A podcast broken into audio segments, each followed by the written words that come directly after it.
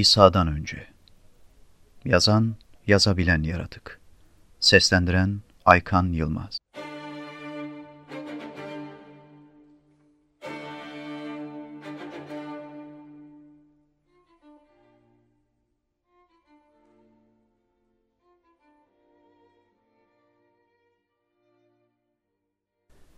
İnsanoğlu kendi görkemi içinde bütün melekleriyle birlikte gelince, görkemli tahtına oturacak.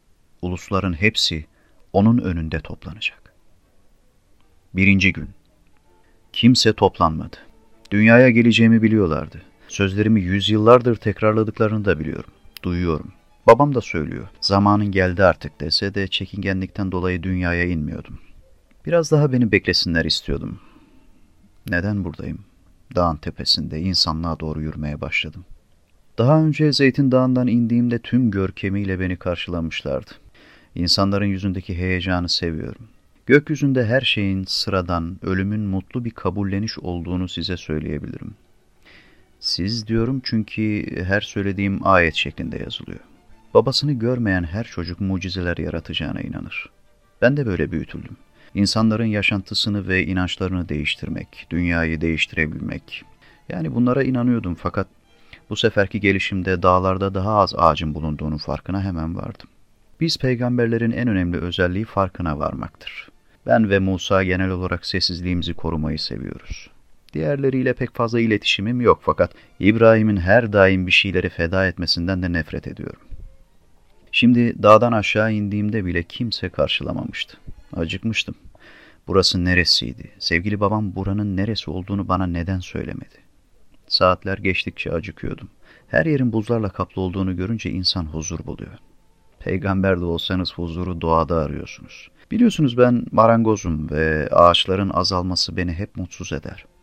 3 senelik peygamberlik dönemimde ki bu 30 yaşım ve 33 yaşımda göğe yükselmemle sonlanır.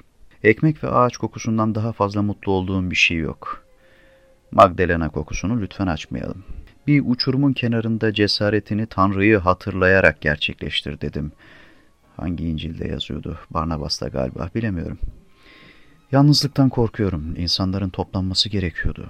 Zaman geçtikçe içimde kontrol edemediğim bir duyguyla savaşmak zorunda kalıyorum. Kabil'i düşününce de aynı duyguyla içimde oluyor. Uçurumdan geçince insanları göreceğime inanıyorum. Dördüncü gün. Acıkmıştım yiyecek vermediniz. Susamıştım içecek vermediniz. Yabancıydım içeri almadınız. Çıplaktım giydirmediniz. Hastaydım, zindandaydım benimle ilgilenmediniz. Peygamberlerin hiç ayağının kaymadığını mı düşünüyorsunuz ya da hiç ellerinin kesilmediğini? Üç gün sonra dünyaya tekrar gelebildim. Yüce bir dağdan aşağı düşerken uykudan uyanır gibi ölümün varlığını bir tamamlanmışlık olarak yaşadım. Şimdi büyük büyük binaların arasında yürüyorum. İnsanlar yine toplanmamışlar. Bana olan ilginin gökyüzünde daha çok olduğunu söyleyebilirim. Yürüyorum.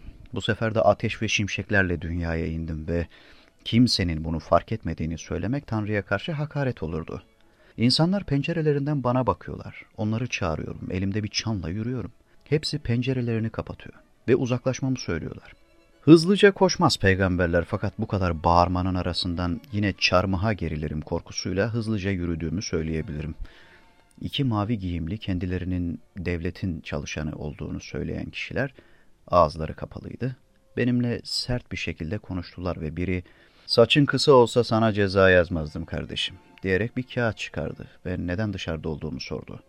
Ben de onlara ''Sizi kurtarmaya geldim ben İsa'yım.'' dedim.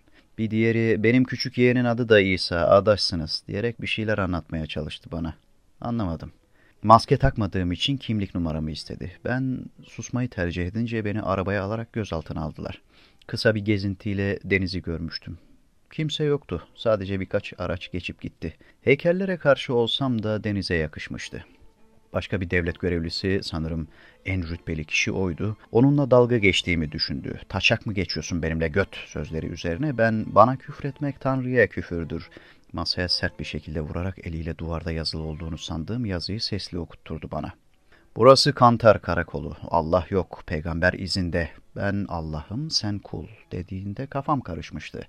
Kendisine dönüp bu hangi ayet ben bilmiyorum dediğimde beni yaşlı bir adamın yanına kapattılar. Kendisinin başında beyaz bir şey vardı. Yahudi ya da Müslüman olacağını düşünerek selam verdim. Kendisine teşekkür ederek tek kalamadığımı, yalnızlığın hasta ettiğinden bahsettim. Sigaram olup olmadığını sordu, sonra vazgeçti. Hasta olduğundan ve çocukları için yemek çalarken yakalandığından bahsetti. Yağmalamadım, arabayı kundakladım, ekmekler yanmasın istedim. Günah, günah çöpe atılacak diyerek açlığın yarattığı hissi bana tekrar yaşattı.